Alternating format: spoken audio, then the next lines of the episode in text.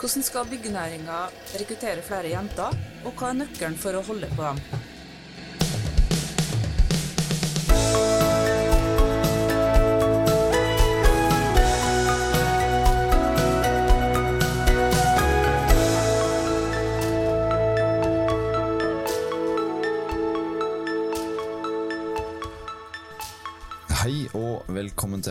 Episode av byggeindustrienbygg.no sin podkast Byggeplassen. Jeg heter Frode Aga, og med meg som programleder i dag så har jeg Svanhild Blakstad. Våren den nærmer seg. Vi skriver 8. mars i kalenderen, og vi skal bruke den internasjonale kvinnedagen til å snakke om jenter og kvinner i byggenæringen. For i ei årrekke så har vi hørt at andelen jenter som er fagarbeidere i næringen vår, som ligger på fattige 2 Totalt for næringen er bildet litt bedre, men også her så ligger prosentandelen på stedet hvil mange, i mange år på rundt 9% Så hvorfor rikker ikke disse tallene seg? Det håper vi at dagens to gjester kan hjelpe oss med å finne noen svar på. Og i dag har vi med oss Nina Soli, administrerende direktør i Byggenæringens Landsforening. Og Marianne Brudvold Eek jobber i NCC som leder for strategi og utvikling. Velkommen til dere. Eh, Vi kan starte med, deg, Nina. Eh, Du er fortsatt ganske fersk som leder i Byggenæringens eh, landsforening. Og du er den første kvinnelige lederen som organisasjonen har hatt. Hvordan har den første tida vært? Det har vært en spennende tid. Det starta jo rett før jul, hvor det plutselig ble varsla at det kom til å komme et lovforslag om å forby innleie. Eh, spesielt da i Oslo-regionen, og da fikk vi jo fart på oss. Eh, så da ble det turboinnsetting i ny jobb. Eh, det har vært en spennende tid. Jeg er i hvert fall helt sikker på at det er aldri en kjedelig dag på jobb i byggenæringen. Jeg har fått god anledning til å møte alle bransjene i byggenæringen. Vi har jo 14 bransjer, så det å snakke med direktøren og bli godt kjent og bruke tida til å få litt innsikt og analyse har vært viktig. Jeg har et offensivt og godt styre som er opptatt av BNLs visjon. Hvordan skal vi samle hele byggenæringen i Norge til en sterk organisasjon? Og få hele verdikjeden samla, så det jobber vi med. Eh, Det er også litt uro i organisasjonen vår, særlig innenfor håndverksfagene. Så det å ha god dialog med dem og se hvordan kan vi sørge for at bransjer med håndverkere har en sterkere stemme inn i BNL-fellesskapet, har jeg også jobba en del med. Hvordan vil du sette ditt stempel på BNL, du da? Eh, Ja, jeg tenker at eh, vi, vi må Det å jobbe for en sterk samla byggenæring, det er det som er min virkelige misjon her. Det er viktig at vi jobber for det, fordi vi har veld, et veldig fragmentert univers. Hvis du, jeg så Teknisk Ukeblad hadde vel i fjor høst en artikkel om at hvis du talte antall organisasjoner bare innenfor bygg, så var det 27. Så det er klart at eh, hele byggenæringen er den største fastlandsnæringen i Norge, og vi trenger den plassen vi fortjener. Vi trenger gode rammebetingelser, og vi trenger en sterk samla stemme. Så det er litt av det jeg virkelig ønsker å ta tak i og jobbe med, og da må vi utvikle organisasjonen vår. Og så er det jo viktig her i dag når vi snakker om kvinner i næringen, fordi det har jeg jobba mye med tidligere. Så jeg er veldig opptatt av at vi tar tak i det. Det har vært gjort et godt arbeid så langt, men at vi følger opp det og begynner å jobbe systematisk og langsiktig. fordi vi må jo få, eh, få vist hvor attraktiv denne næringen er, og vi må også være attraktive for kvinner. Ja, Marianne, velkommen til deg også. Du har vært i byggenæringa lenge.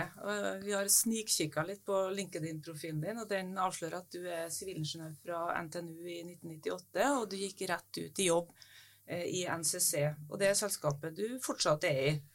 Hvordan har den ferden vært? Ja, den har jo vært veldig bra, da. Det er jo et godt tegn siden jeg fortsatt er der. Eh, Jeg jobbet jo i mange år først ute på byggeplassene våre, eh, på prosjektene, og det er jo virkelig der det er gøy å jobbe. Eh, Nå har jo jeg for så vidt vært heldig, jeg har jo opplevd hele veien at eh, det var veldig velkommen inne i, på byggeplassene. Jeg fikk stadig vekk høre at, det var, at gutta syntes det var positivt at jeg kom ut, og at det ble en litt sånn annen dynamikk når jeg var på de prosjektene hvor jeg var.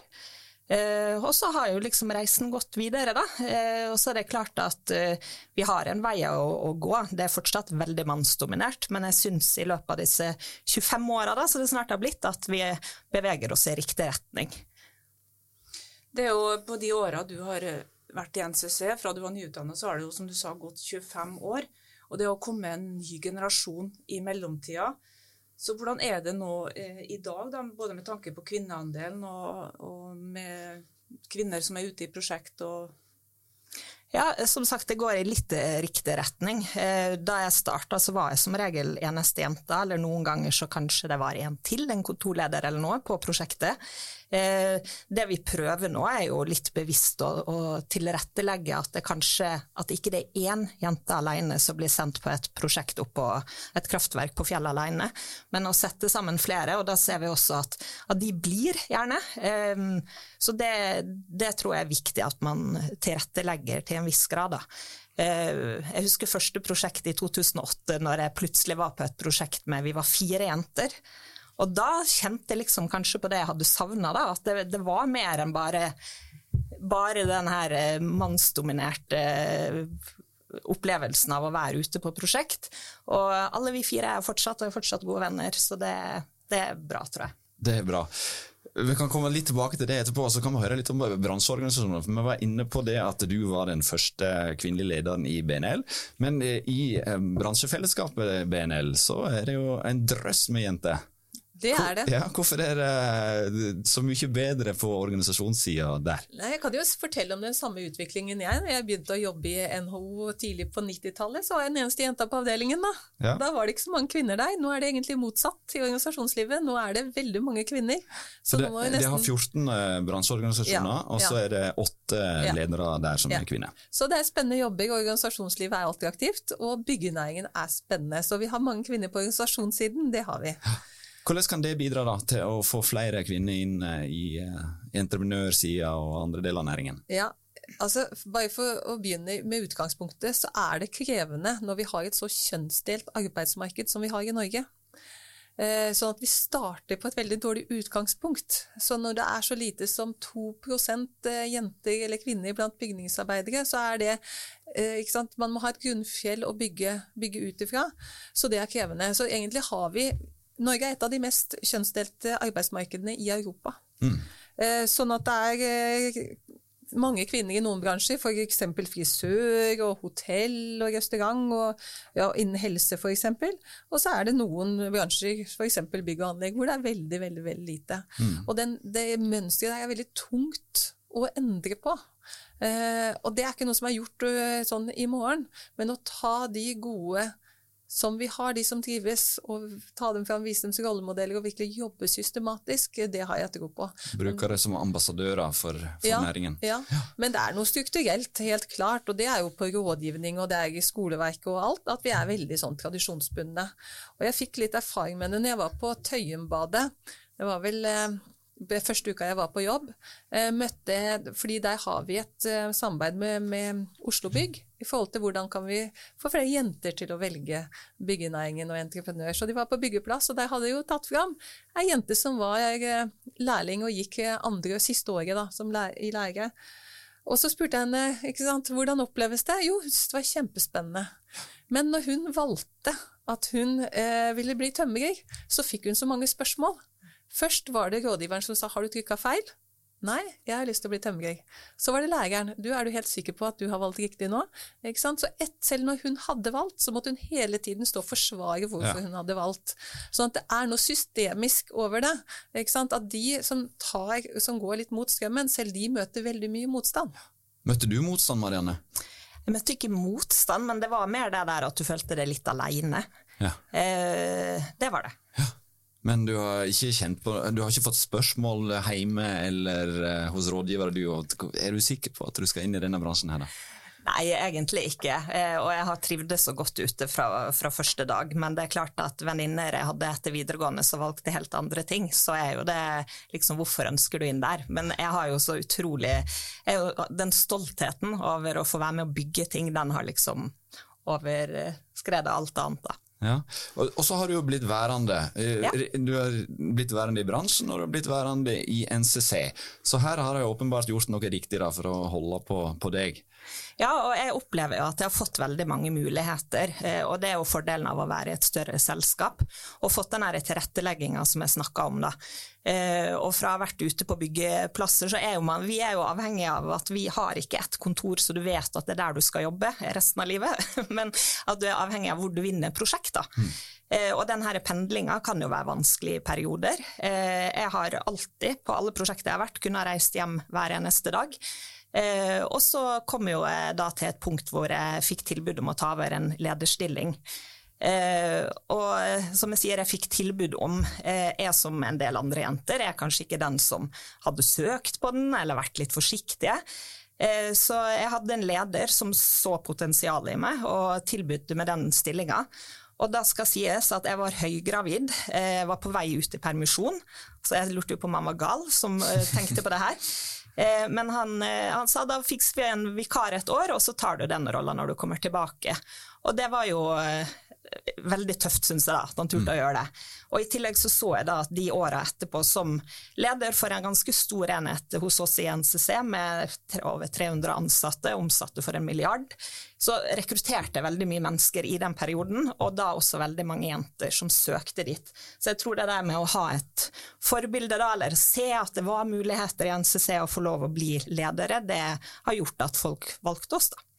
Altså, det, det, er jo litt sånn utypisk det der. Du, du, hører jo ikke sånne episoder av når du er høygravid, og så får du den stillingen der, og så er det ett år med vikar. og det, er jo, det, det har lagt til rette her, som du var inne på i stad. Mm. Det handler om tilrettelegging. Ja, og det ser jeg også med de, de, jentene som vi har hos oss, at man kommer kanskje i en periode i livet hvor man kanskje ikke kan reise ut på anlegg, så prøver jo vi så godt det lar seg gjøre å sette kanskje litt andre oppgaver for en periode, da. Og det, det ser vi også nå, litt utviklinga med den generasjonen vi har, at det er ikke alle det passer for å pendle, og det kan være både gutter og jenter. Så vi har en litt utfordring på hvordan vi på en måte skal, skal nå den uh, hele befolkningsbiten, hvor du på en måte ja, gutta også er litt mer uh, vant til nå at de må hjem og hente i barnehage fordi at uh, kona jobber ute også. Mm. Så vi, vi, har litt å jobbe med. Du Nina, du var innom Tøyenbadet i stad. Uh, og, og, den modellen du snakker om der, den har et navn, den. Uh, Reprim, det kaller han. Ja.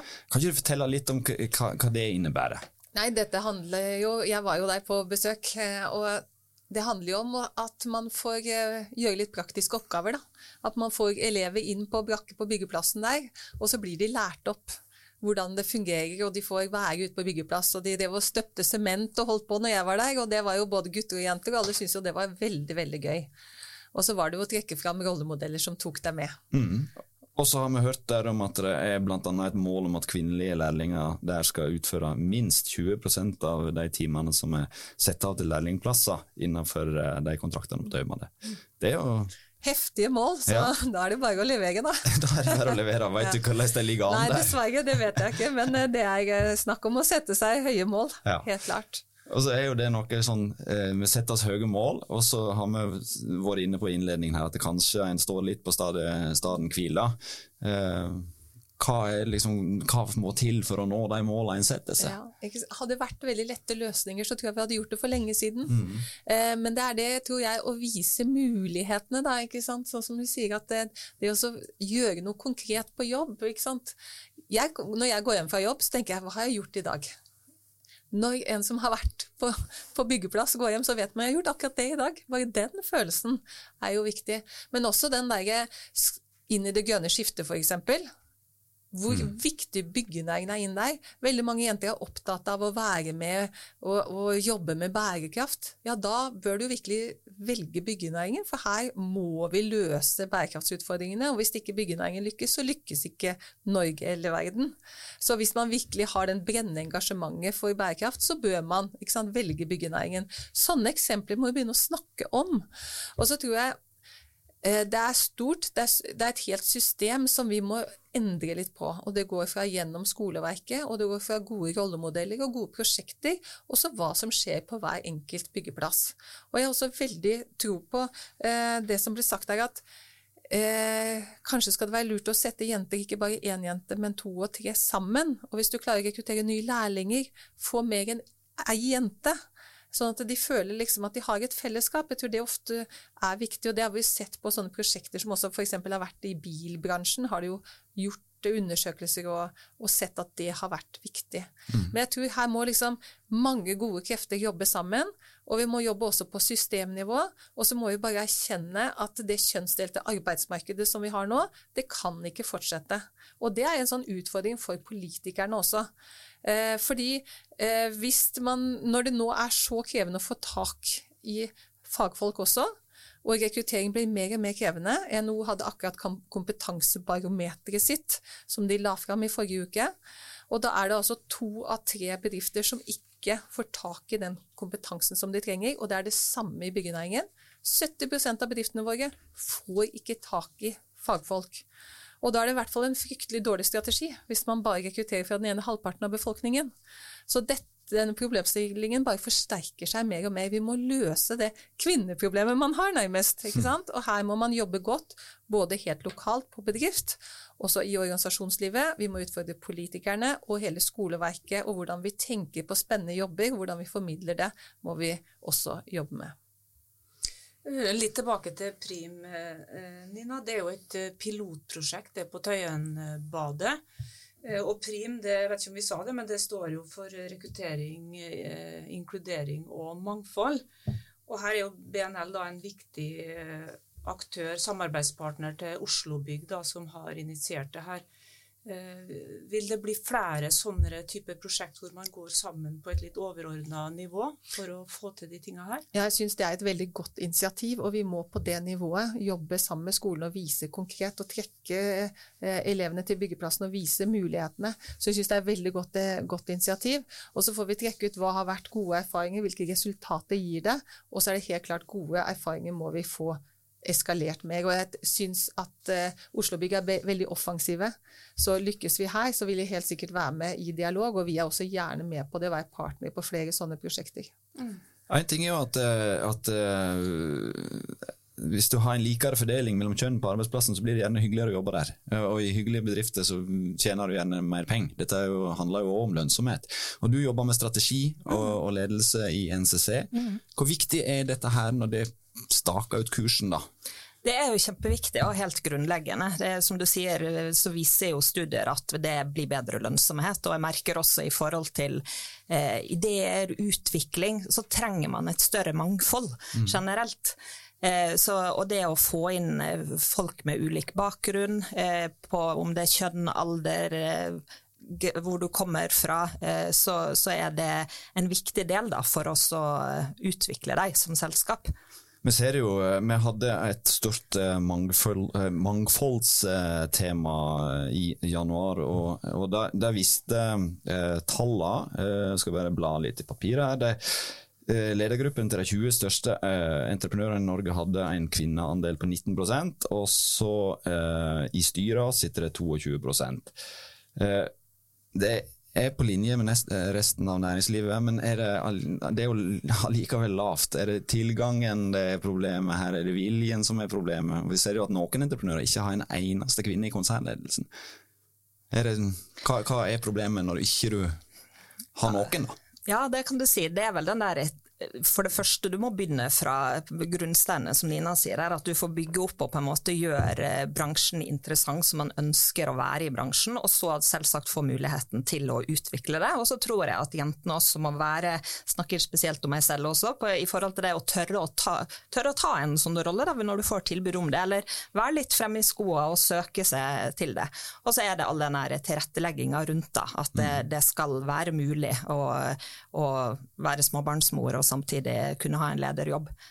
Det har fått noen nye tall som viser at dette er jo noe tenk bedriftene tenker på i BNL-systemet? Ja, virkelig. Vi spurte medlemsbedriftene våre i forhold til rekrutteringsarbeidet om det var problematisk eh, at eh, det å klare å rekruttere kvinner.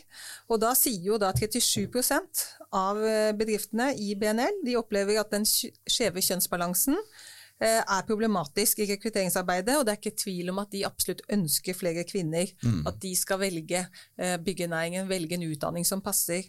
Og så har jeg lyst til å knytte noen kommentarer til det med kvinner og ledelse, for det har jeg jobba ganske mye med tidligere også. Jeg har jo vært eh, mangfoldsansvarlig i NHO. Jeg har hatt ansvar for Female Future-programmet til NHO, som handla om å få flere kvinner inn i lederstillinger og styrer.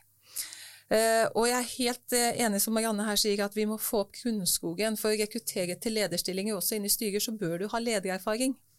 Uh, og gjerne også lederlinjeansvar, at du har et resultatansvar for å komme opp i ledergruppen. Så det er jo for det første å utfordre jenter til å gå den veien og ta ansvar. For det er da du kan bygge karriere videre.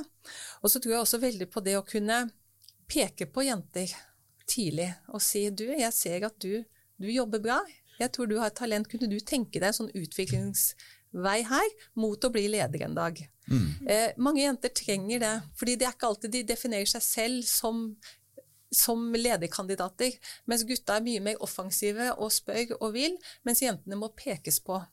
Uh, og, det, og, jeg syns egentlig at de tallene som var fra de store entreprenørene, det er jammen ikke verst. Fordi vi ser at det er få kvinner i, i, næringen. Og da er det mye mer krevende å få de opp på ledernivå. Og her er det jo egentlig motsatt. ikke sant? Når du ser på bygningsarbeidere, 2% I byggeindustrien så er det 8% kvinner, så det er litt bedre. Mm. Men så kommer du liksom opp på, på første ledernivå.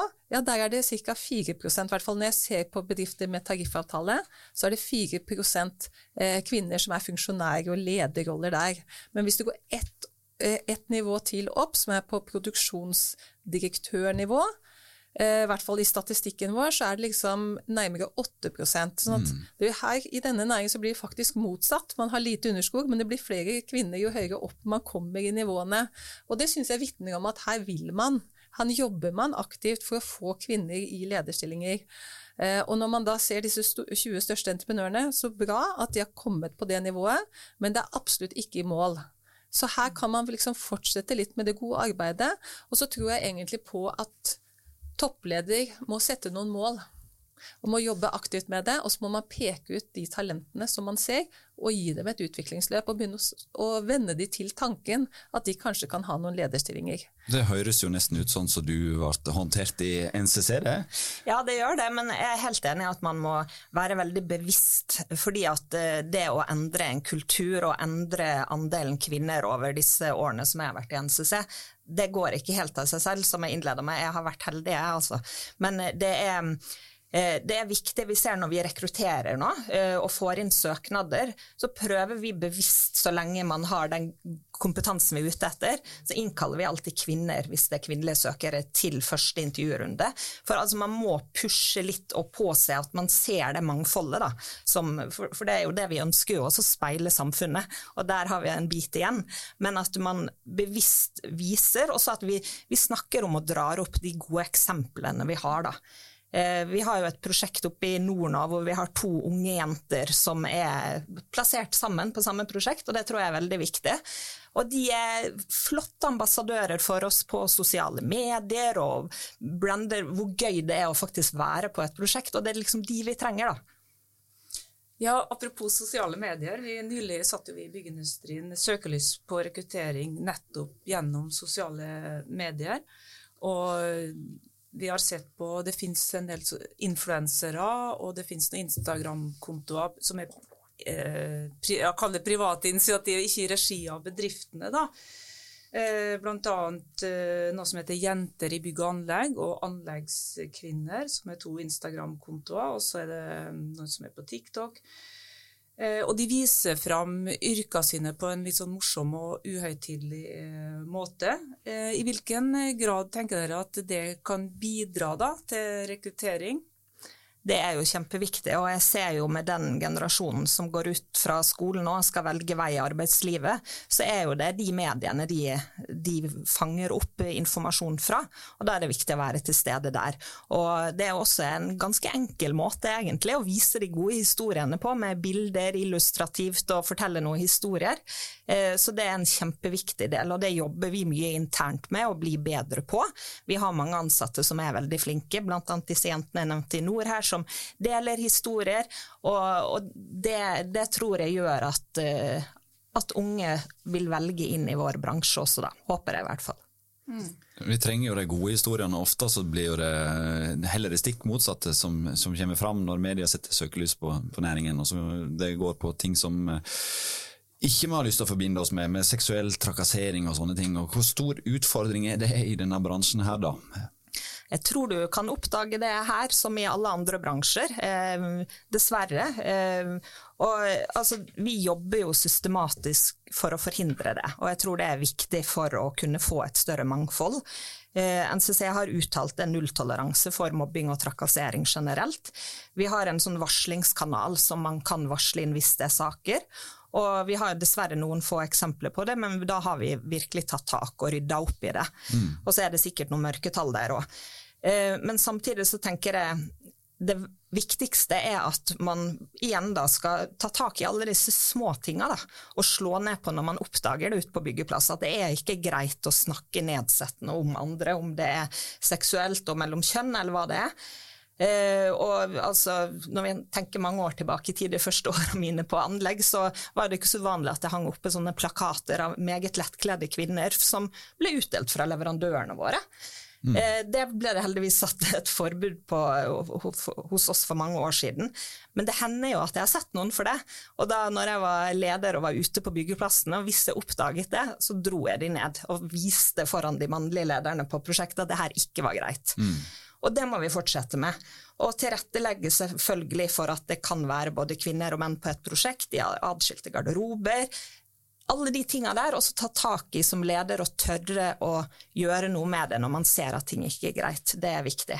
Det er walk the talk. Ja. Og helt enig i det, at det er viktig at arbeidsgivere tar det ansvaret egentlig som, for å bekjempe seksuell trakassering, og at man har gode rutiner for å hindre uønska atferd. Og at man tør å snakke om det også er viktig. Så dette har vi jo egentlig rådgitt under, eller etter metoo også, fra BNL sin side, om at den type uønska atferd må man slå hardt ned på. Men så er det jo som du sier, dette gjelder jo ikke bare byggebransjen og byggenæringen, dette er jo et eh, problem i mange andre næringer. Mm. Eh, men allikevel så, så, er det gjerne de mannsdominerte bransjene som ofte får det stempelet på seg. da. Mm. Er det noe en kan gjøre omdømmemessig da, for å komme seg ut av en sånn boks?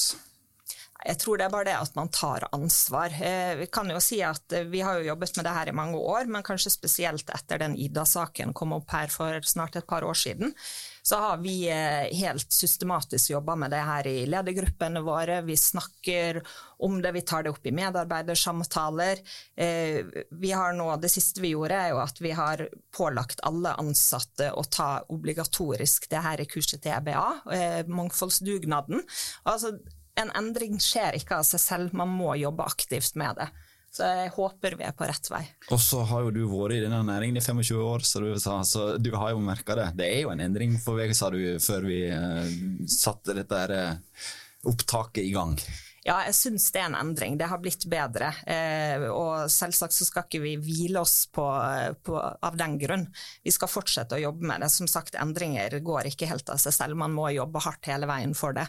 Men eh, at det her er en bransje som Eh, man absolutt kan utøve veldig mye bra som kvinne. Eh, når jeg ser tilbake på min, eh, min karriere, så tror ikke det er en eneste av de jobbene jeg ikke kunne ha gjort fordi jeg var kvinne. Og da må vi tørre også å fortelle om det og attrahere enda flere unge, flinke jenter inn. Vi ser jo bransjen fremover nå skal jo, Det skal jo bygges mye i det landet her, heldigvis. Vi er jo en fantastisk bransje sånn sett. Og da trenger vi de beste hodene, uavhengig av bakgrunn. Ja. Og så er det 8. mars i dag. Det er jo litt av bakteppet for at vi snakker om det vi gjør nå. Skal det markere 8. mars på noe vis, det? Jeg tenker at uh, Jeg har alltid erklært meg som feminist, jeg. Ja. Jeg er veldig opptatt av at jenter tør, og at de vil, og at de er modige, og at de står opp. Uh, så jeg uh, blir, går rundt og gratulerer folk med dagen. Ja. ja. Er det noe som skal stå på parolen i år? Jeg husker For et par år siden så, da var det kvinnegarderober som eh, sto på parolen. Eh, det var to år siden, var ikke det, det Svanhild? Det er akkurat eh, to år siden, og da, det ble det gjennomslag for. i kom jo inn i overenskomsten, det. Og det viser jo at den dagen er jo viktig for å markere sånne saker fortsatt. Mm. Står det noe på parolen i år? Eh, vi, vi, har nylig vedtatt og gjort en liten endring i forhold til eh, stillingen formann, som vi har hatt i alle år. Ja. Eh, den har vi endret nå eh, nylig hos oss, og kaller det nå arbeidsleder. Et litt mer kjønnsnøytralt ord. Ja, så det er endring, det ting, ting skjer. Vi begynner å nærme oss den uh, velkjente halvtimen vår. Uh, da er det bare å ut og gå i gatene da, med en parole, er ikke det det? Jeg tenker at uh, vi skal fortsette arbeidet som er gjort så langt, og kanskje forsøke å forsterke det. For vi ønsker flere jenter inn i byggenæringen, og jeg tror at vi må fremsnakke det, så de forstår hvilke spennende muligheter som er der.